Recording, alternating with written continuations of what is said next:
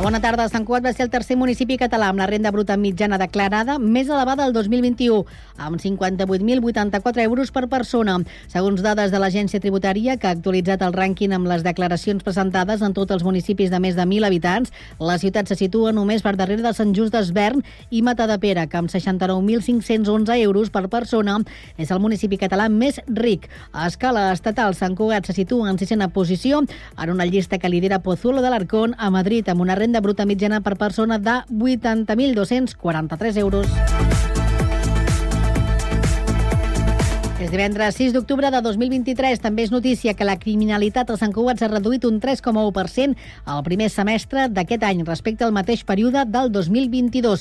Segons dades del Ministeri de l'Interior, els fets delictius han passat de 2.044 a 1.980, tot i que augmenten els casos registrats de robatoris amb força en immobles. També s'han incrementat lleugerament els furs. Per contra, els robatoris amb violència i intimidació s'han reduït gairebé un 33%.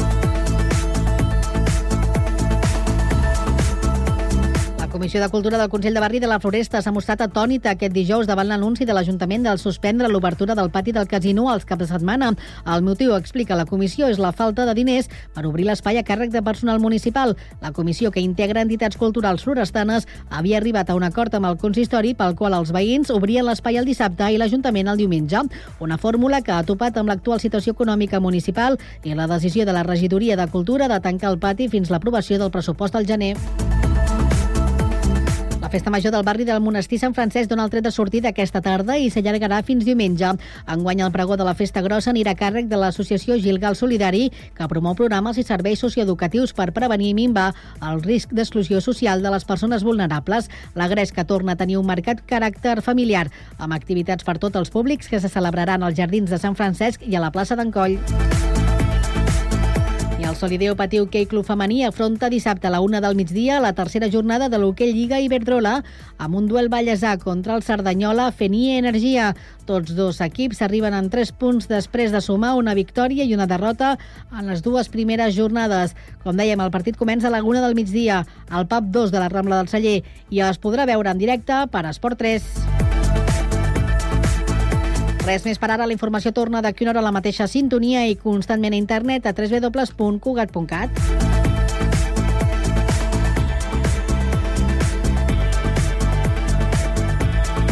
Cugat Mèdia, la informació de referència a Sant Cugat.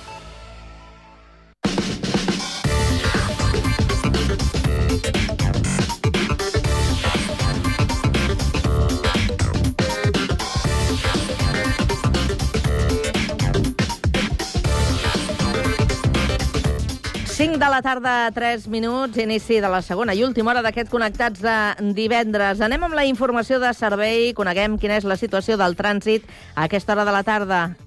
César Martínez. Bona tarda. Bona tarda. Bona tarda, Carme. Doncs problemes a l'AP7 en el darrer dia laborable a causa d'un accident a l'alçada de Barberà del Vallès.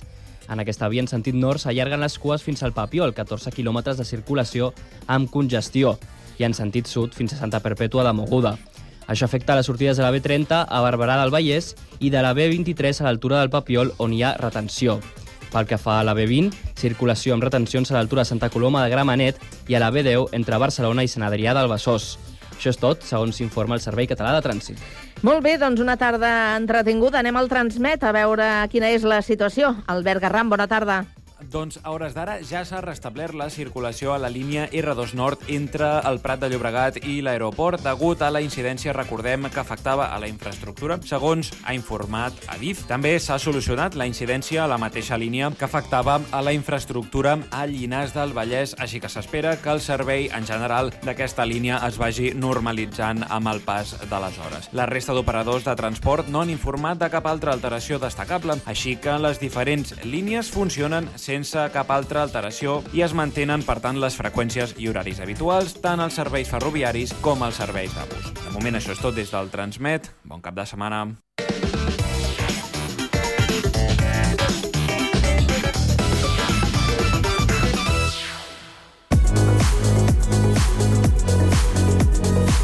Cada tarda, de 4 a 6, Connectats. Una experiència radiofònica a Sabadell, Terrassa, Sant Cugat, Castellà, El Prat i Badalona.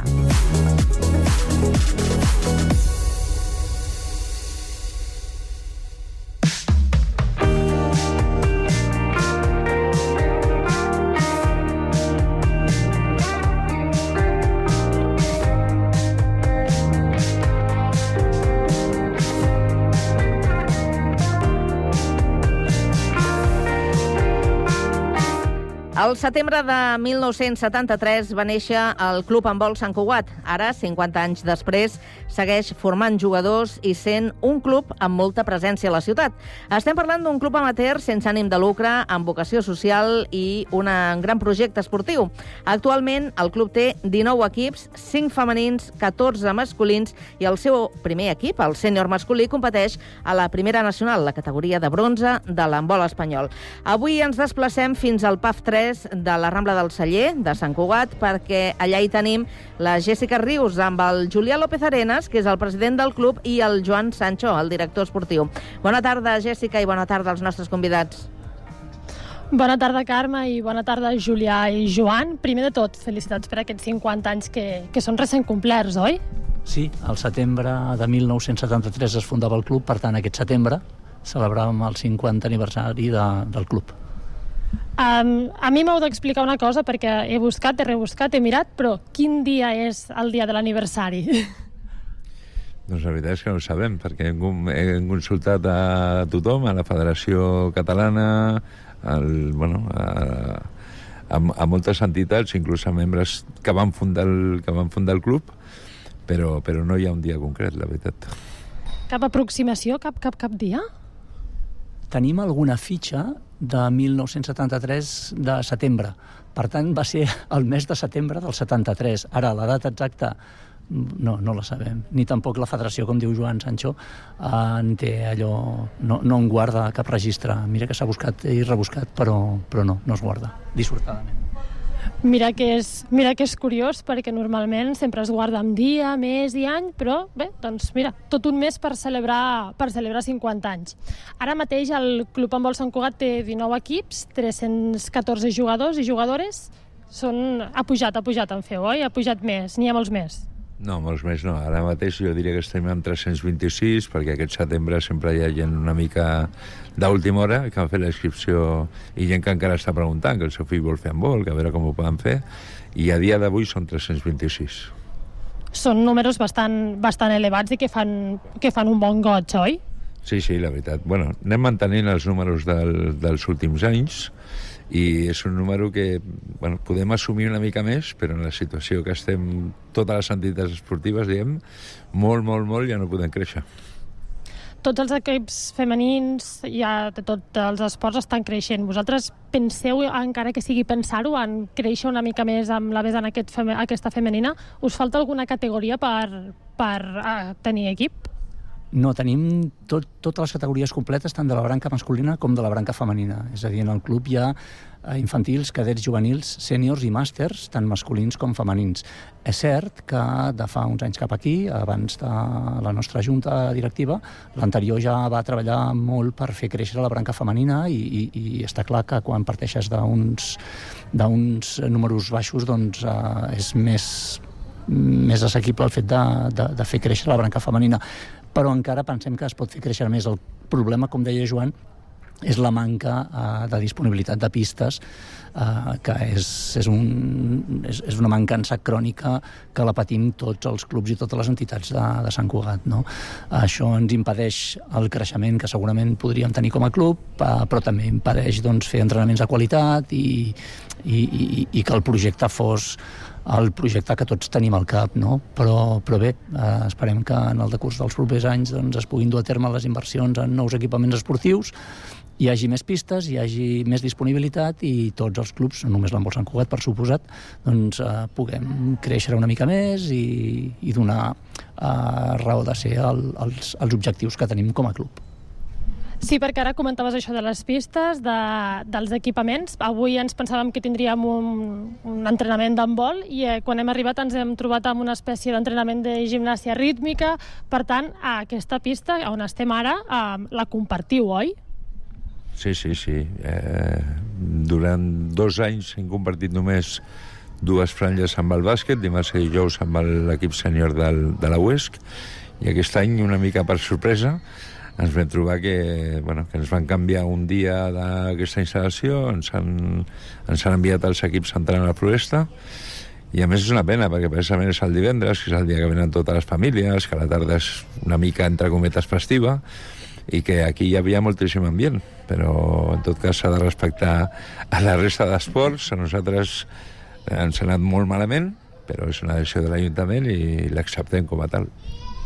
I tant, tots dos porteu molts anys al club, ja, veritat. Què, què és per vosaltres el club amb vol Sant Cugat? No, e- ell sí que porta molts anys al club. Jo porto molts anys com a, com a pare, de jugador.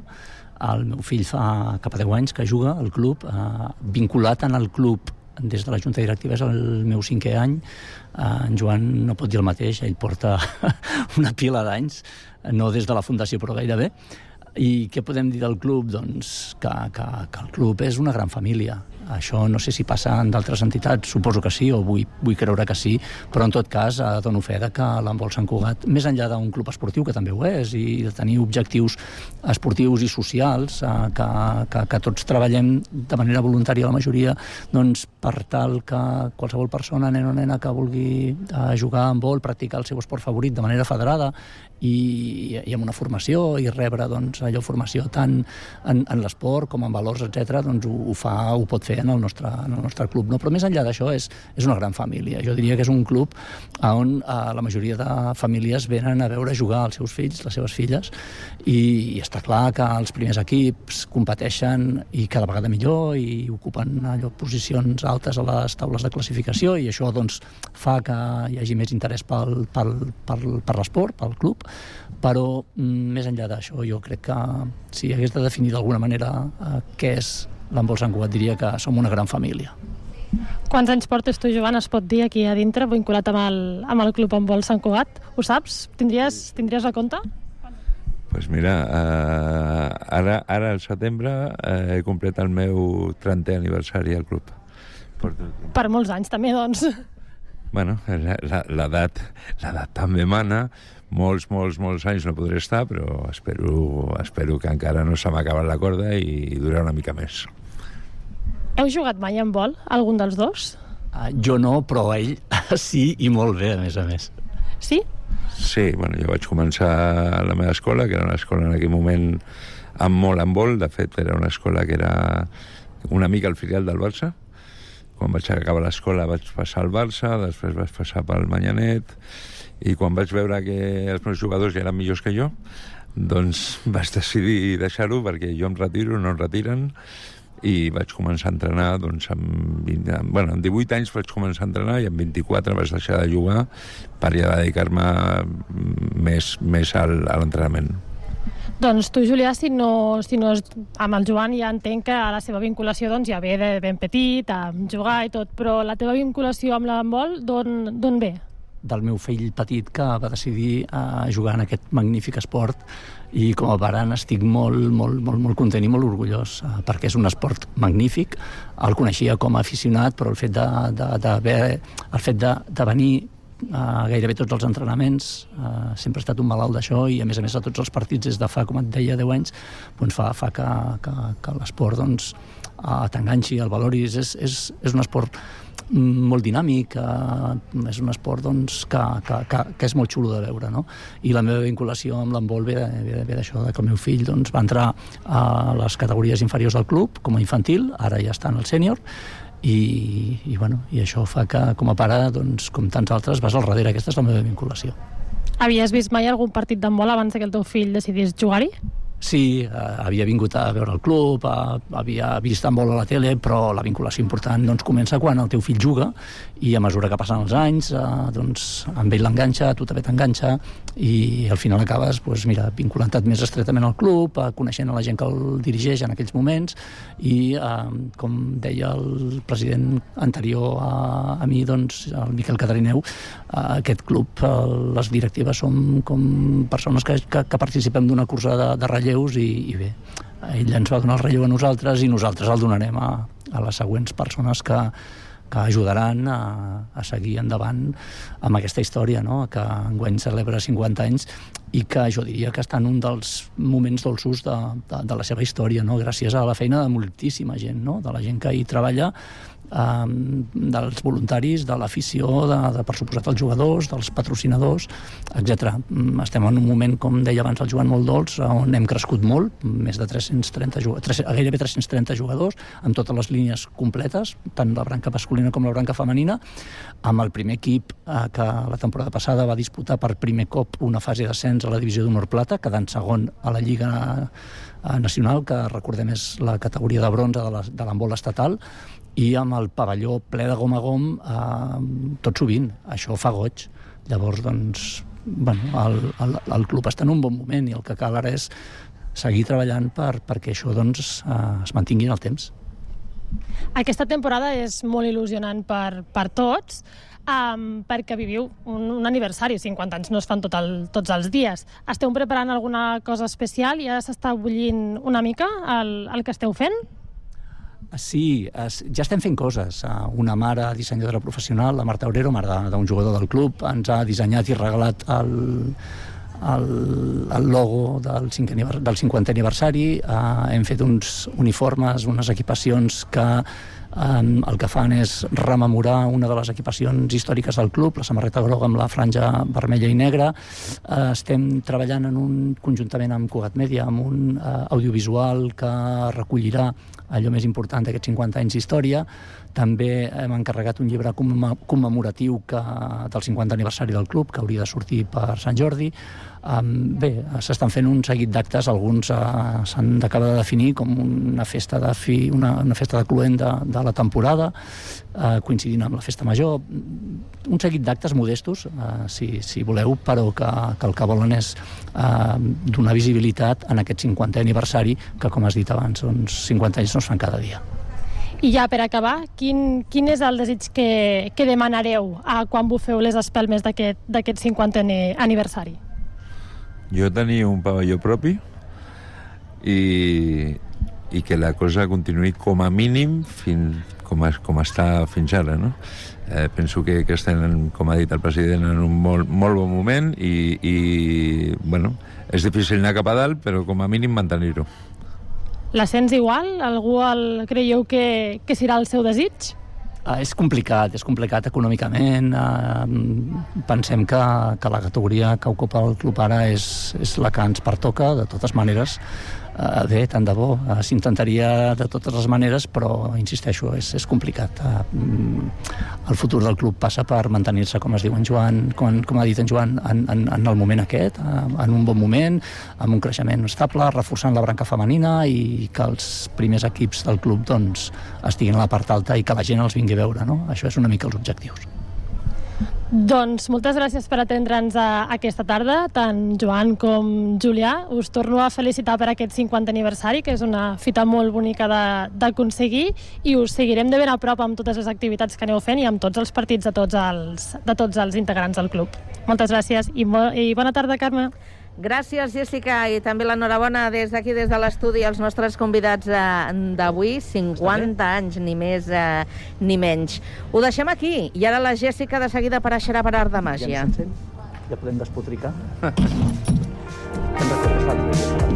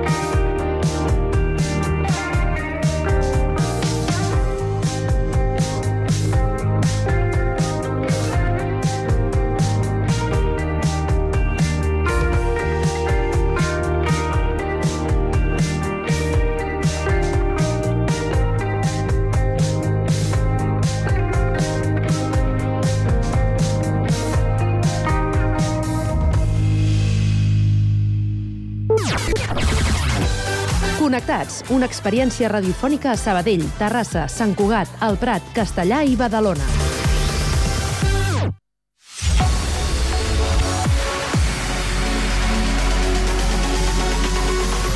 Connectats a les xarxes.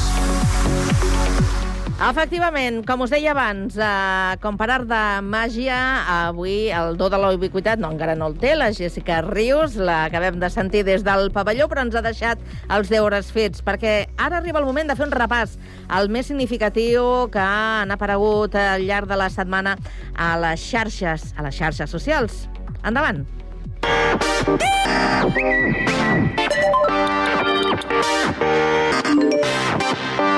Bona tarda, Carme. Una setmana més la plana política torna a tenir espai en aquesta secció, però és que sortim d'una i ens posem a una altra. No sé si us en heu enterat o no, però Jordi Basté ha tingut la meravellosa idea de fer cara a cares entre el comissari Villarejo, Artur Mas i Pablo Iglesias. Dic meravellosa perquè ha soltat titulars i titularíssims i això ja rutlla per les xarxes, comentaris, respostes i fins i tot algun mem. Escoltem alguna de les preguntes de Pablo Iglesias a Villarejo per veure el nivell del cara a cara. Y la última. Yo creo que usted es consciente de haber molestado a gente muy poderosa. ¿Calcula que es posible que un día le peguen un tiro? Bueno, eh, fíjese, eh, sí, lo tengo claro que en el 2018 eh, casi lo consiguen. Menos mal que entonces estaba todavía el PP, ¿no? Que son más timoratos, ¿no? Eh, en mayo del 2018 de pronto sufrí un shock anafilástico en prisión y casi me cuesta la vida. Yo estoy convencido que para eso lo ha pretendido eh, eh, recientemente, a final de julio, eh, los fiscales de volver a ingresar en prisión. El día que yo vuelva a ingresar en prisión tardaré días. ¿Por qué? Pues porque la gente entiende que mi memoria, gracias a mi neuroplasticidad que he fomentado, tiene recuerdos que son peligrosos, ¿no? Entonces hay mucha gente que tiene todavía mucho miedo. Ahora ha dicho una frase que es, si me condenan, eh, tardaré unos días. No, si me vuelven a meter en Si vuelve a tardar unos días, ¿qué quiere decir? Eh, no, que tardaré unos días que de pronto pues, me suicidarán y tal. será- ¿Se suicidará o lo me, me suicidarán, eh, obviamente. Yo, yo, la gente que me conoce sabe eh, que no soy precisamente partidario de, de eso. Y, y eso yo creo que es la razón por la cual eh, terminaron acabando conmigo, ¿no? ¿Por qué? Porque todos en el país, en España, los españoles, hemos asumido que existe, digamos, una casta, la que el señor Iglesias muy bien apuntó como casta, que nunca sus actos tienen consecuencias. Y eso es lo más terrorífico que se puede tener. ¿Por qué? Porque hagan lo que hagan, nunca les pasa nada. Entonces yo fui tan torpe de que en un momento determinado empecé a denunciar las ilegalidades o irregularidades que estaba viendo. Y como no me hacían caso, ya las puse por escrito. Y tanto mm, eh, como yo creo que en la vida, como en el dominó, hay que apretar, pero no exagerar. ¿no? Comisario, para- yo para- creo que exageré demasiado y por eso decidieron eliminarme. ¿no? Però no s'acaba aquí la cosa, sinó que ha desvetllat tantes coses i tants noms que les xarxes socials anaven plenes de comunicats amenaçant amb querelles i de més. Vaja, que tenim salseo per dies. A veure quan més s'allarga perquè ja s'està fent més llarg que Gran Hermano. Per cert, parlant de Gran Hermano VIP, ja tenim un abandonament, que ha estat ni més ni menys un redoble de tambor, sisplau. La celebrity que ha abandonat Guadalix és Oriana Marzoli i també coneguda com la reina de les polèmiques i els abandonaments. Amb aquesta noia hi ha tant d'embolic sempre que fa alguna cosa i que, bueno, ja amb gran hermano, vaja, que fins i tot el programa va haver d'aclarir com havien succeït els fets. A ver, el protocolo de abandono es un proceso largo que comienza cuando un concursante responde sí a la pregunta ¿te quieres ir del concurso? El viernes Orana- Oriana activó el protocolo, como habéis visto, y todo se puso en marcha. Y tal y como le pide al súper, sale del confesionario a una sala anexa que tiene Gran Hermano habilitada para este tipo de situaciones. Es aquí cuando Oriana traslada a la organización que cambiaría de idea si se cumplen una serie de exigencias. Se la escucha y mientras se trasladan sus peticiones a la cadena de mando, dejamos que Oriana regrese a la casa donde sus compañeros se encuentran ensayando la prueba semanal. Tras realizar la consulta de las exigencias de Oriana, se deniegan por ser incompatibles con GH y una vez que ella entiende que esas exigencias no han sido satisfechas, mantiene su decisión de irse, ahora sí, sin vuelta atrás. En ese momento, Oriana vuelve a entrar a la casa para hacer sus maletas, ya que considera que nadie puede tocar sus pertenencias, pero eso sí, sin contacto con ninguno de sus compañeros. Esta es la secuencia de los hechos, la fotografía completa de su abandono. También queremos destacar que el programa dispone de atención médica continuada. Los concursantes son atendidos por un equipo médico independiente que realizan un diagnóstico y, de ser necesario, prescriben el tratamiento o medicación que consideran adecuado. Dicho esto, la vida en directo continúa. La Molic ve perquè ella diu que la seva marxa no ha estat voluntària, sinó que l'han forçada. Doncs d'un reality passem a un altre, i és que Torna-ho-té. El dia 20 d'octubre s'estrena el nou Operació Triunfo a Prime Video. Per tant, ja queden els aspirants bons, perquè els dolents s'han quedat ja pel camí. Perquè abans, abans de començar hi han hagut càstings. Cada any va gent més rara en aquests, can en aquests càstings i hi ha més contratemps i això a les xarxes socials agrada molt i moltíssim. Agrada tant que fins i tot el compte oficial d'OT en fa ressò en, dels casos més curiosos, com el d'aquesta noia que els nervis la fan parlar per sobre de les seves possibilitats. Me llamo Carmen López, tengo 20 años. Eh, este lunes empecé, bueno, soy de Sevilla.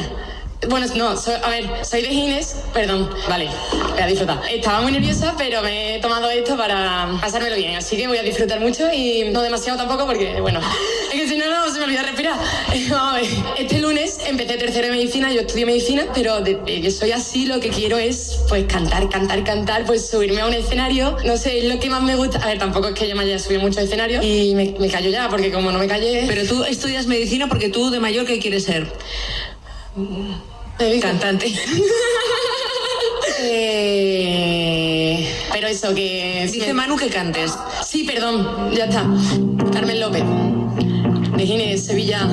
Ser sincera pot ajudar-te a caure bé al jurat, però te ser tan sincera farà que et facis viral a les xarxes, com li ha passat a aquesta noia doncs, que se n'ha anat una mica de, de boca. ¿Qué tal? Pues me hago un poco de pis, pero estoy bien. Ah, mira, mira. Ay, ay.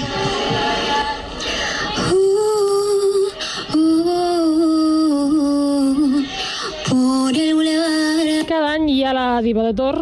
Només començar el vídeo ja, ja veus, en aquest cas, que no, que no sortirà bé. No saps per on fallarà, però saps que per algun lloc fallarà.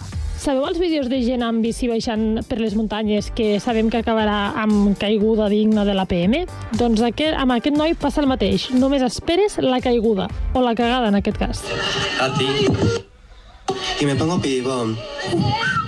Por si esta noche pasa algo tú y yo, tú y yo, oh, oh. Por si esta noche... Ay, se me ha olvidado la letra, por Dios. Perdón.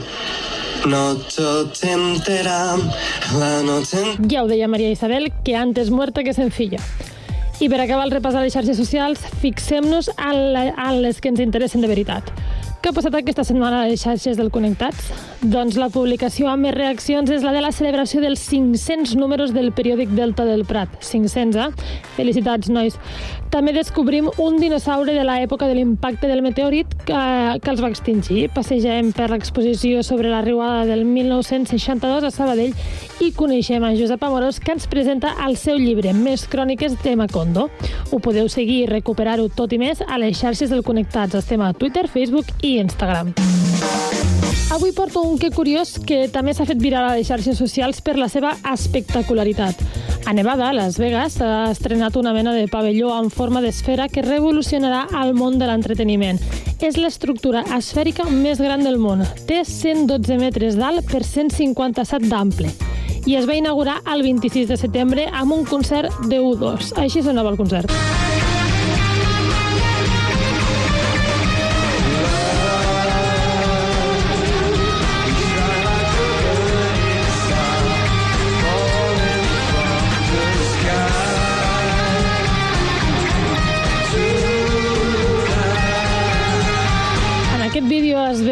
Pantalla en forma de bola gegant amb un munt de lletres de colors. L'escenari està enganxat a una de les bandes i tot el de més és graderia. Els seients arriben tan amunt que el vídeo que grava l'especta- l'espectador, ell està situat a la part alta i sembla que estigui volant, perquè no es, veu ni, no es veuen les grades de, de baix. I realment el que hi ha, el que sembla, és una paret. En aquesta pantalla també hi van col·locar imatges d'un desert i és tan realista que fins i tot sembla el resultat d'un croma. Què s'estrena aquesta setmana a les plataformes? Doncs prepareu-vos perquè ven encarregades. Us porto tres estrenes. La primera, dim ah, la primera, dimecres es va estrenar la minissèrie Beckham. Tonight we bring you the story of how David Beckham became a global phenomenon.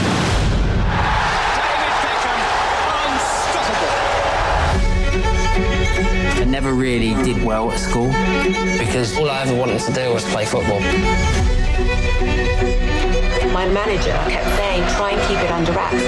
So we would meet in car parks, and that's not as seedy as it sounds. Classy. I suppose that most blokes have looked at the television so they're like, uh, don't fucking end up with them. My life had become something different. És una sèrie documental que tracta sobre la vida de David, Beckham, jugador del Real Madrid i Manchester United, entre altres equips, i que, un moment, aquest senyor, sí, perquè ja, ja el podem anomenar senyor, té 48 anys, 48, eh? I, pel, I per què sembla que en tingui 30? Bé, moment de safarits fet, seguim amb la sèrie. Si us heu vist Jo soy Georgina, doncs ve a ser el mateix, però ben fet i amb una mica, no sé, una mica d'interès. Si us voleu enterar dels secrets de la vida dels Beckham, ho podeu trobar a Netflix. El que també trobareu a Netflix és la tercera temporada de Lupin. Que a uno le roben es una experiencia desagradable y estresante. Con el fin de evitarle los riesgos de una sorpresa, he tomado la decisión de advertirle de antemano que me dispongo a robar su perla negra. ¿Conoce a muchos ladrones que le inviten a su atraco? Tengo un plan. Es un gran golpe. El golpe. Nada fácil. Del 1 al 10, ¿cómo de peligroso? Ponle un 12. ¿Cómo no? Cientos de personas han venido con la esperanza de ver al fugitivo más buscado de Francia. Hassan és un lladre de guant blanc, el millor que hi ha, i dijous va estrenar la seva tercera temporada. Ara el protagonista segueix esforçant per adaptar-se a la seva nova vida clandestina lluny de la seva dona i el seu fill. La situació el supera i decideix tornar a París per proposar-los un pla una mica poc sensat. Abandona França amb ell per començar de nou a un altre lloc. Acceptaran? Sortirà bé? Ho descobrireu si l'aneu a veure a Netflix. Acabem amb Loki, que avui treu la seva segona temporada. Me he visto arrastrado por el tiempo. Entre el pasado y el presente. ¿Hola? Si lo que vi es verdad. No hay nada que se interponga entre este mundo y la destrucción total. Solo hay una forma de averiguarlo. El germà malvat de Thor torna amb la seva sèrie. Ara li tocarà navegar pel multivers i fer coses de superheroi per salvar la galàxia i tantes altres coses que fan els herois. Però té una cosa afegida, que no és un superheroi, sinó el déu de l'engany. Per tant, tindrà el seu suquet. Si la voleu veure, la podeu trobar des d'avui a Disney+. Plus. I acabem aquest Connectats a les xarxes amb les estrenes musicals. Aquesta setmana el cantant, compositor i productor discogràfic Salomón Villada Hoyos, més conegut com a Fate, ha tret un, un nou senzill, Luces de Tecno. A molts igual no us sona, a mi fa uns dies tampoc em sonava aquest nom, però acumula més de 39.000 oients mensuals a Spotify. Us deixo escoltant Luces de Tecno i m'acomiado fins divendres que ve. Bon cap de setmana a tothom. Y luego te fuiste. Pa' mí que fue la pastilla que esa noche tomé. Quizá no estabas ahí, tal vez yo te imaginé. Yeah. Sería el mismo lugar de a ver si te vuelvo a ver. Si ayer lo hicimos bajo luna llena, pero parece que no me conoces. Todo mi sentido, mami, hoy te cedan. Porque cuando estoy borracho, por mi mente recorre toda la noche, toda la loquera. Cuando te diga que no hay quien la borre. Y repetirlo, mami, yo quisiera. Yo sé que tú no vas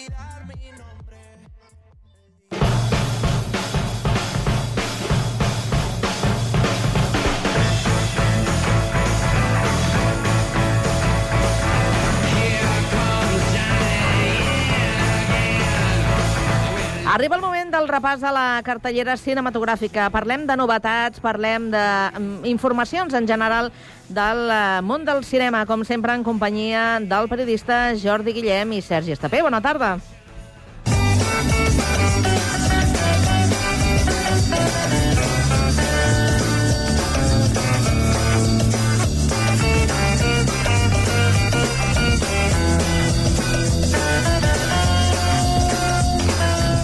Bona tarda. Tornem amb la magnífica secció de cinema. Cada setmana ens donem ànims. Escolta, Jordi, Jordi Guillem, periodista Bona tarda. de Terrassa i cinèfil, que és el que ens acompanya. Cada vegada m'agrada més aquesta sintonia, eh? És dels pocs encerts que s'ha portat a la secció. No, és broma, és broma. Molts encerts del Jordi. Com sabeu, cada setmana parlem de poquetes aquestes setmanes, set Set, estrenes, sembla, set set estrenes estrenes, de, de la cartellera. La setmana que ve dimecres, eh? S'estrenen les Sí, pel·lis. En parlarem divendres, però Molt bé, s'estrenen molt bé. Sí, perquè dijous és festa, pont. però divendres hi serem, eh? Divendres tu no fas aquí. pont, no? No, saps no. què és un pont? No sé el que fan. Un pont. Ni ponts ni aqüeductes, Sembla que no. l'últim pont que vaig fer va ser l'any 1976. Uh, doncs, bueno, com sempre, parlarem de 5 de les 7 pel·lícules en aquest cas, i a vegades que n'hi ha 20, però en aquest cas toquen aquestes i després parlarem d'un uh, festival, la, la taladrada habitual del Jordi, ja sabeu que jo, a mi, mm, doncs m'importa ben poquet parlar del festival, però al Jordi li agrada, per tant, això és un 50-50. per Portem una mica d'actualitat, està bé. Sí, exacte. Doncs començarem amb, eh, jo suposo que no sé com dir-la, una... Una Remake? Una, sí, No, una seqüela. sí, una seqüela, Una sí, seqüela, una seqüela. de les, una de les poques pel·lícules, sabeu que els que, que sou fidels que a mi el cine de terror no m'agrada, però faig una excepció amb algunes ben poquetes, per exemple, l'exorcista. En aquest cas és el exorcista creyente. Sí, el exorcista, dos punts, eh? dos punts, sí, creyente, No és sí, sí. l'exorcista creyente, No, no. sinó... El... És una pel·li de David Gordon Green, que és un cineasta nord-americà que va dirigir algunes seqüeles també de La noche de Halloween, de John Carpenter, en va fer una les, mica les dues sector, últimes. senyor. Sí, és, és del gènere. sector sí. de la por. Sí, sí. Uh, llavors, doncs, uh, res, aquí ens explica una història d'un un senyor que la seva, la seva dona uh, mor embarassada en un terratrèmol a Haití fa 12 anys, i ella ha de criar la seva filla Àngela, i la filla Àngela, uh, juntament amb una amiga, que es diu Catherine, desapareixen al bosc, estan tres dies desaparegudes, i quan tornen, uh, diguéssim, per dir-ho ras i curt, una d'elles està posseïda Comencen a passar per Satan. coses. Exacte, passen Comencen a coses. passar coses una mica amb la línia del, de del, del que és l'exorcista, és una seqüela, com bé deies, de la pel·li mítica de l'any 1973. Entre el repartiment hi trobem una gran actriu de Hollywood com és Ellen Barnes, que va treballar amb eh, Martin Scorsese, amb Alicia no Mhm. vive aquí, entre d'altres. En fi, una pel·lícula de terror, 121 minuts, de les llargues, Déu-n'hi-do. diguéssim. Uh, sí, sí. Els amants del gènere. Dels amants del gènere, els eh? personatges de William Peter Blatty, uh, i en fi... Uh, ja està. Ben feta, Suposo està molt ben feta. home, S'ha de veure, però Sí. no crec que li arribi ni a la sola de la sabata. No, no, no. no la a primera, sobretot, amb el tema musical. Escol vols escoltar un tros d'aquesta? Sí, aviam què diuen. Va, vinga, va, va. Día, te espero para cenar. Te quiero. Buenos días, señor Fielding. Hola, Catherine. Y aquí están sus hijas, Angela y Catherine. Eso fue hace siete horas y ya no tenemos más información. ¡Catherine! ¡Angela! Si nos estáis oyendo, por favor, volved a casa, os queremos. Eh, ¿La han encontrado? ¿Qué hacíais en el bosque, Cat? T'haig de dir, i el- si voleu podeu mirar amb el tràiler, que la nena, la Catherine, l'amiga de la teòricament protagonista, s'assembla, té un, un... recorda una mica a la Megan, eh? A la Megan, Sí, la de la pel·lícula. Sí, la de la primera pel·lícula. La de... Ah, vale, perdona. Sí, sí, és que hi havia una, es va estar en una pel·li que es deia Megan, Ah, que també... es- em recorda una sí, mica, Sí, em- té, té un què, eh? Té un, Sí. Suposo que han fet un bon càsting, el, el director de càsting. Deu ser igual de mal parlada, totes aquestes No ho sé, bueno, això ja ho veurem, però Segurament. així com a, com a nena normal, diríem, s'assembla bastant. Bueno, per, almenys el meu, pel meu, uh, la meva manera de veure-ho.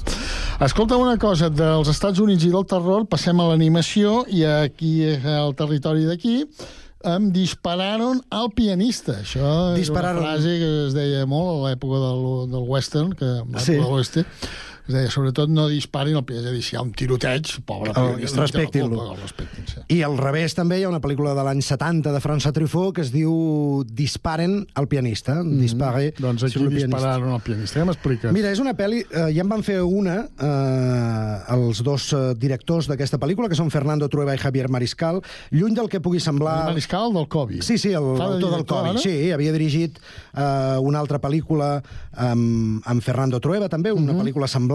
Són dos apassionats del jazz, i de la música jazz, i, i, i en aquest cas, més que jazz és sobre la bossa nova, eh, la música eh, més brasilera de, de Vinícius de Moraes i tota aquesta gent, uh Mhm. -huh. i fan un homenatge amb clau de cinema negre, perquè en el fons, tot i ser... Clar, associem sempre, sempre ho diem, no? Animació, amb pel·lícula per nens, res a veure. Aquí és, una, és un drama musical, per dir-ho així. És la història d'un periodista musical de Nova York que comença una investigació per trobar un pianista brasiler, el del títol, eh, que es diu Tenorio Júnior. Ah. És, era un habitual de Vinícius de Moraes. Uh -huh. I... Vinícius no és el jugador del Madrid. No, no, no és, és, és més antic. Llavors, en aquest thriller d'animació amb ritme de jazz i bossa nova, doncs, eh, an analitzen el que és tot la, el panorama musical eh, dels anys 70. També hi ha tocs de la dictadura argentina, perquè és, és una pel·lícula bastant fosca, tot i ser, uh -huh. tot i ser una, una pel·lícula d'animació. Um, jo us la recomano, és una pel·li que va passar per Sant Sebastián, després en parlarem. Uh, està rodada en anglès, el títol original és They Shot the Piano Player, eh, no disparen el pianista, i els, entre la música que hi trobareu, si us agrada la bossa nova, eh, hi trobareu, doncs això, cançons de Joao Gilberto, Caetano Veloso, Gilberto Gil, Vinícius de Moraes, Paulo clàssics Moura, tots els clàssics de la, de la bossa nova.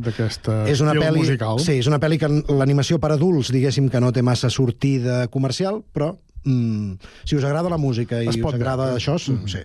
I és una de les pel·lis que Molt bé, veure. doncs tornem, si et sembla bé, tornem als Estats Units, en aquest cas una comèdia que fa pinta d'aquelles típiques comèdies que es fan allà als Estats Units, que es diu Golpe a Wall Street. Doncs mira, és una pel·lícula més seriosa del que sembla. Ah, sí? Uh, sí, va, va, anar, va passar... Jo també, quan la vaig veure, vaig pensar, mira, això... Està catalogada com a comèdia. Sí, sí, és una comèdia. De fet, eh, es va passar per Sant Sebastián i explica una mica la història real de, no sé, un cas que va passar fa un temps, si recordes, d'una sèrie de joves que van, diguéssim, intentar eh, jugar-se-la amb Wall Street, van intentar Mhm. fer-los la guitza, i van convertir un videojoc, un, una popular tenda de videojocs i electrònica, que es deia GameStop, Mhm. en l'empresa més important del món. Van, comen- van començar a invertir, i allò que passa que, que es va, les accions van començar a pujar i, i hi va haver una mena de...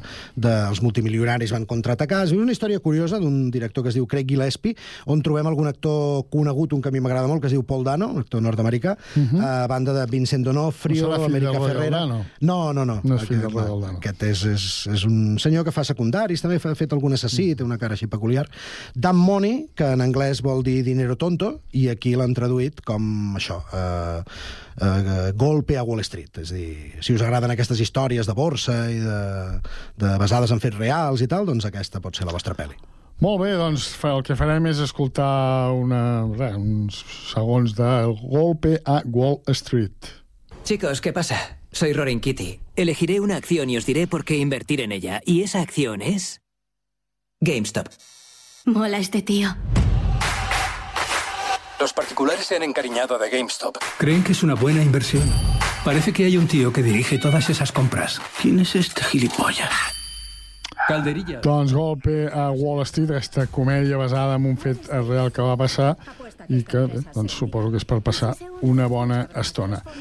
Baixem cap a baix i ens anem a Argentina amb un documental que es diu El Castillo. No sé si està dedicat a la llet o... No, és, és una pel·lícula documental que és molt curiosa perquè si no sabéssim què és una pel·lícula documental ens pensaríem que és de ficció.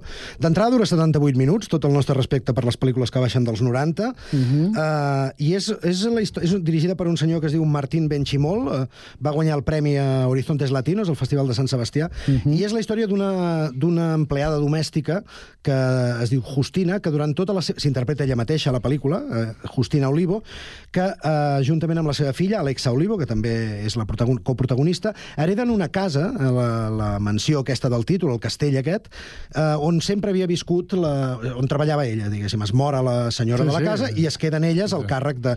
Aquesta mansió està, eh, està de veritat al mig de la Pampa Argentina, de, res al voltant, diguéssim, al mig del camp, i la condició que li posa la propietària abans de morir perquè se la quedi, en, quan ella falti, és que no la pot vendre. Per tant, aquesta dona i la seva filla doncs, S'han de fer eh, càrrec, S'han de fer càrrec, s'han de, es, se'n van a viure allà, i la pel·li és, és força interessant, curiosa, eh, és, un, és com un modern conte de fades, no?, en, en què bueno, surt, sorgeixen problemes entre la... No, no és una pel·lícula de por, en absolut, és... Eh, Això hi ha problemes amb l'IBI, en pagar l'IBI Això probablement, probablement. Probablement hi surt més car del que esperaven. Recordo una mica aquell eh, documental també de Gustavo Salmerón que es deia... Mo, eh, com es deia allò? Monos... Uh... Perquè em mires a mi quan dius No, no, no, no perquè dic, igual l'ha vist. És un documental que jo vaig veure al cinema a Barcelona i em va, va fer molta Bé, gràcia. ja el recordaràs. Monos, un castillo i no sé què, que és una història de la seva mare, també, la vida real, en fi, curiosa. Molt bé, i tancarem eh, aquest repàs a les cinc estrenes que el Jordi ens recomana amb Xines. És un drama fet aquí a Espanya. Sí, és una pel·lícula d'Aranxa Echevarria, que és una cineasta espanyola que coneixereu per eh, una pel·li que a mi m'agrada molt, que es diu Carmen i Lola, és una pel·lícula així de realisme social, de dues mm. -hmm. persones que no... Eh, una mare i una filla que no poden viure, que no arriben a final de mes, i en aquest cas parla de les xines del títol, són dues nenes xineses de 9 anys que semblen ser molt semblants i que s'han de fer amigues al col·le de seguida, i no, perquè una és de segona generació d'immigrants xinesos, per tant està plenament integrada aquí, tot i que els seus pares eh, suposen una mica un llast, no? una limitació per la, per la, la, la nena vol ser com les altres, vol celebrar uh Mhm. -huh. el Burger King el seu aniversari, els seus pares doncs, es passen ca- 14 hores al dia treballant al basar xinès i té un, tenen una vida peculiar. No? L'altra és una noia adoptada, um, la família és, és d'aquí, i explica la, diverses històries sobre eh, temes doncs, d'actualitat, evidentment, com l'adopció, la infantesa, tot amb un to dramàtic. És una pel·lícula amb protagonistes molt interessants, com Leonor Watling, eh, Carolina Yuste, Pablo Molinero i les dues xineses, Ella Cui i Qin Jiye, eh, una pel·li que, que, que està força bé. Molt bé, doncs eh, per acabar aquest repàs escoltarem res, una miqueta de Xines. ¿Por qué a tu hermana Claudia la han llamado banana? Porque es amarilla por fuera y blanca por dentro. La especialidad de la casa. Esto no lo pienso comer ni de broma. Xiang, ¿por qué quieres aprender chino? Me han obligado mis padres. Qué guapa es tu madre. En cambio la mía no se maquilla, no se peina, no se cuida la piel. Ho deixa bé, la mare. doncs aquesta pel·lícula, aquest drama que es diu Xines. També s'estrena un documental fet a Gran Bretanya sobre Jackie Stewart, el, el que va ser pilot de Fórmula 1, i una pel·lícula de Tunísia que es diu Ashkal, los crímenes de Túnez. I ara arriba aquell moment que a mi no m'agrada gens, que al Jordi li agrada molt, que vinga, festival, que va guanyar aquell, i va amb aquelles explicacions. Va, ràpid, que, que vull acabar avui amb un recordatori amb una gran actriu, que això tu no ho saps. Se'ns creuen dos festivals. Un és eh, el Festival de Sant Sebastià, que dissabte es va eh, donar a conèixer el Palmarès, i ahir dijous al vespre eh, va estrenar-se el Festival de Sitges, que el No tindrem vas fins any? la setmana que ve. Intentaré escapar-me. Algun... Ets un... Hem de recordar que el Jordi és un gran eh, Sí, durant, consumidor durant molts anys durant molts anar. anys del Festival de Sitges. Aquest però- any no hi seré tota la setmana, però intentaré escapar-me. Intentaràs dia, ja, escapar-te, ja us explicaré. si- Aviam si pots veure. Doncs mira, primer que el Festival de Sant Sebastián va guanyar una pel·lícula eh, gallega que la directora es diu Jalone Camborda, que eh, ella va néixer a Sant Sebastià, precisament, és la primera dona espanyola, de fet, curiosament, nascuda a Sant Sebastià, que guanya el, la Conxa de Plata millor pel·lícula, i, a més a més, la seva mare era catalana. Per tant, Ah. una directora amb un, amb un passat eh, Sí, sí. O sigui, interessant. la mare era catalana Sí. i, I- el, i el pare... El pare no sé d'on era, Ah. però era, era de fora. I ella és nascuda a Sant Sebastià. Ella és nascuda a Sant Sebastià, però va passar la seva infantesa a Galícia. Per tant, tots els Molt seus bé, cinemes en gallec. així raro, sí, sí. una història... I aquest Ocorno, que Ocorno vol dir... El, el, La banya. La banya, no? La banya. Coneixes algun banyut o no? Conec algun cornut, sí, Sí. algun conec. Val, algun. Uh, aquesta és una història uh, que passa a la illa d'Arousa uh, l'any 71. És la història de la Maria, que és una dona que es guanya la vida recollint marís, com tantes i tantes dones i tantes generacions de dones gallegues. També la coneixen per, per ajudar altres dones en el moment del part i dedicar-se Has estat a elles. Galícia? No. Error total. No. Eh, Has d'anar. tinc pendents, Heu d'anar a Galícia. Heu de visitar Galícia. Digues. Doncs això, la Maria, eh, per uns esdeveniments de la vida, doncs es veu forçada a creuar la frontera amb Portugal eh, per les rutes que utilitzaven els contrabandistes i a partir d'aquí és una pel·li que ha agradat molt al festival. No estava a les travesses, però Mhm. finalment doncs, ha sigut escollida com a, com a millor pel·lícula. Eh, en un eh, palmarès, diguéssim, que ha poques coses conegudes, diguéssim, de les eh, clàssiques. Per exemple, Isabel Coixet amb Un amor no es van dur cap premi, uh -huh. eh, però J. Bayona, amb la pel·lícula que també es veurà a Sitges, La Societat de la Nieve, va guanyar el Premi del Públic i va aconseguir ser la pel·lícula més votada de la història. Això es puntua per dècimes, fins i tot, amb un Mhm. 9,7 crec que va treure. Per tant, eh, si podeu anar a Sitges a veure la pel·li de Bayona, doncs perfecte. Repassem així ràpidament. La Conxa d'Or, com hem dit per Ocorno, aquesta pel·lícula de la gallega Aione Camborda, nascuda a Sant Sebastià. La Conxa de Plata, el millor director, és una, una pel·lícula que sembla molt interessant. Es diu Un viatge en primavera, per dues cineastes taiwaneses, eh, Chu Hipen i Ping Wen Wang. La Conxa de Plata, millor interpretació, eh, molt cinema oriental, és per Tayutsa Fiji, per Great Absence, i per Marcello Subioto, per Puan, gran, eh, gran actor argentí. Eh, Conxa, recordem que aquí no hi ha actor i actriu, sinó que ho, ho, ho centren tot eh, en una sola categoria. Millor eh, premi especial del jurat va ser per Calac, el premi eh, del jurat a la millor fotografia també per Calac, eh, nous directors per Dina Swan, i ja ho deixem aquí perquè, com Perquè dèiem, el. Castillo va guanyar millors horitzons, eh, premi Horitzons Llatins, etc. Doncs ho deixem aquí recordant que eh, un 6 d'octubre de 1989 va morir una gran actriu, tenia 81 anys com, 81 anys quan va morir, va morir a París com Bette Davis. Quin millor lloc que París per morir? Gran, bueno, això tu... és- No, home, ja si has de morir a algun lloc, jo preferiria París. Bueno, jo de moment no, No? vull morir. Uh, No, home, jo tampoc, però si bueno, s'ha de morir... Bette Davis, recordem, pel·lícules de El desnudo, que fue de Baby Jane, La mujer marcada, bosque petrificado, La loba, Jezabel, La solterona, no pararíem. I ara direu, marxareu amb una... Que bé fue de Baby Jane, no? No, marxarem amb una cançó de Kim Carnes que deia, es deia Bette Davis Eyes. Ah, Els ulls mira. de Bette Davis, una cançó de 1981 que va guanyar el Grammy aquell any. Doncs res, eh, aneu a Sitges si podeu, Sí. si voleu, i gaudiu del cinema i ens veiem aquí la setmana vinent. Bon cinema. Fins la setmana vinent. Que vagi bé.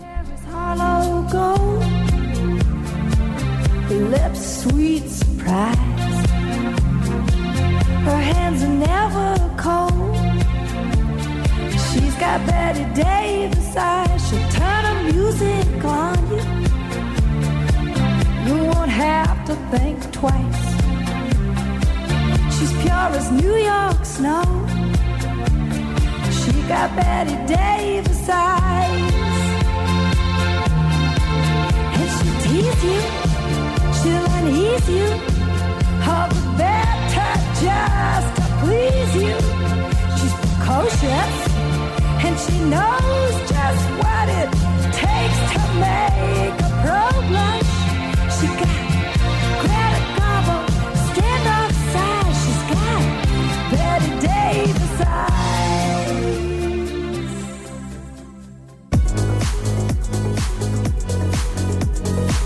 Cada tarda, de 4 a 6, Connectats. Una experiència radiofònica a Sabadell, Terrassa, Sant Cugat, Castellà, El Prat i Badalona.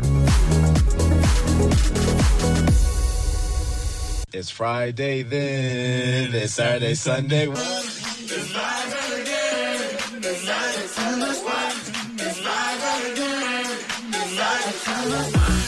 Moment per repassar els actes de cap de setmana amb l'agenda del Connectats. Comencem per Terrassa. Sergi Estapé, bona tarda de nou. Bona tarda, Terrassa. Avui a les 10 de la nit, inauguració de la temporada estable de la nova Jascava amb Smack Dab, que presentarà Supertralla, el seu nou treball. Dissabte, a les 8 del vespre, a la Factoria Cultural de Terrassa, dansa amb l'actuació de la companyia d'Antonio Najarro. I diumenge a les 6 de la tarda, i també a la Factoria Cultural, concert, concert per a violí de Mendelssohn a càrrec de l'Orquestra Simfònica del Vallès. Gràcies, Sergi. Temps ara per a les propostes que ens arriben de Sabadell. Pau Duran. La música de David Bowie sonarà avui amb força al Teatre Principal. Ho farà passada pel sedàs del sabadellenc Xavier Vidal, que ho portarà a l'equipament cultural de la ciutat amb totes les entrades pràcticament exaurides. L'espectacle farà un recorregut per les cançons més icòniques de l'emblemàtic cantant de Brixton, però també per les seves influències i fins i tot ens permetrà escoltar alguns temes del nou àlbum de Xavi Vidal. Gràcies, Pau. I pel que fa a Badalona, que destaquen la seva agenda. Andrea Romera, bona tarda de nou. Bona tarda de nou, Carme. Doncs a Badalona ens espera un cap de setmana de teatre i cinema als teatres de la ciutat. La companyia basca La Colunca Teatro presenta Forever, avui divendres a les 8 del vespre al Teatre Zorrilla. El Blas Infante allà feia proposta familiar amb un vestit nou per l'emperador de la companyia La Pera Llimonera diumenge a les 6 de la tarda. I finalment, al Teatre del Círcul, també diumenge a les 6 de la tarda, la projecció de la pel·lícula El viatge de Chihiro, doblada al català, com a part del programa Cinema Prop. Gràcies, André. Seguim amb més eh, activitats. El repàs de l'agenda des del Prat de Llobregat. Jonathan Marín, bona tarda. Bona tarda. Avui comença el Festival Esperanza, que torna aquest any amb una edició especial per celebrar el seu 15è aniversari amb tres dies plens de música i activitats de tarannà solidari cultural. L'esdeveniment tindrà lloc fins diumenge al Parc Nou. Per adquirir les entrades o per a més informació, quan els descomptes, podeu consultar al web ticketic.org amb CK a la primera C. I demà dissabte, 7 d'octubre, a les 10 de la nit, l'artista i productora Poncela en presentarà el seu segon EP titulat Vértigo a la capsa. El va publicar el mes passat i es compon de 7 cançons cançons carregades d'emoció i experiències personals. El preu de l'entrada és de 6 euros i mig, amb un descompte d'un euro per a aquells amb la tarifa joves.prat. Gràcies, Jonathan. I pel que fa a les propostes per aquest cap de setmana que ens arriben des de Castellà, Rocío Gómez, bona tarda. Bona tarda, cap de setmana farcit d'activitats a Castellà del Vallès. Per començar aquest dissabte torna una nova edició del Correllengua que organitza la CAL. A partir de les 5 i fins a les 9 del vespre, la Sala Blava de l'Espai Tolrà acollirà una trobada d'entitats com els Agants, els Atabalats, Suport Castellà, la Coral Xiribec i l'Orquestra Firiluche. I l'endemà diumenge l'Auditori Municipal Miquel Pont acollirà l'espectacle infantil de teatre italiano Gran Hotel a partir de les 12, una creació de Jordi Magaleno. Gràcies, Rocío. Tancarem amb les propostes de Sant Cugat. Jessica Ríos, bona tarda de nou. Bona tarda, Carme. Des de Sant Cugat us recomanem la sisena marxa solidària Pas per tu per aquest dissabte, organitzada per la Fundació Privada Geroni de Moragas. Es tracta d'una caminada solidària en benefici de les persones amb trastorn del desenvolupament intel·lectual, trastorn mental i trastorn de l'espectre autist- autista. Hi ha dos tipus de recorreguts, un de 7 quilòmetres i un altre d'adaptat d'un quilòmetre. Té un preu de 17 euros per participant, 10 euros per participants amb diversitat funcional, menors de 14 anys i majors de 65. La inscripció inclou samarreta i botifarrada. La, la caminada començarà a les 10 amb el punt de trobada al Parc de Ramon Barnils i acabarà sobre la una del migdia. Per més informació i inscripcions al web de la Fundació Geroni de Moragas. Si voleu conèixer més activitats per aquest cap de setmana, podeu consultar l'agenda de Cugat.cat. I fins aquí el Connectats eh, d'aquest divendres. Tanquem una nova setmana. Gràcies per acompanyar-nos. Dilluns, més a partir de les 4 i 3 minuts. Adéu-siau.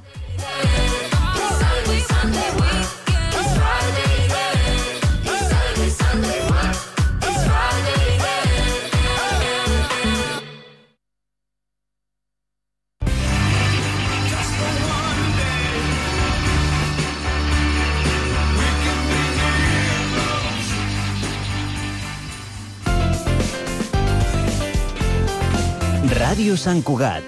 Cugat Mèdia. La música més propera a tu a Ràdio Sant Cugat. fred i despreocupat,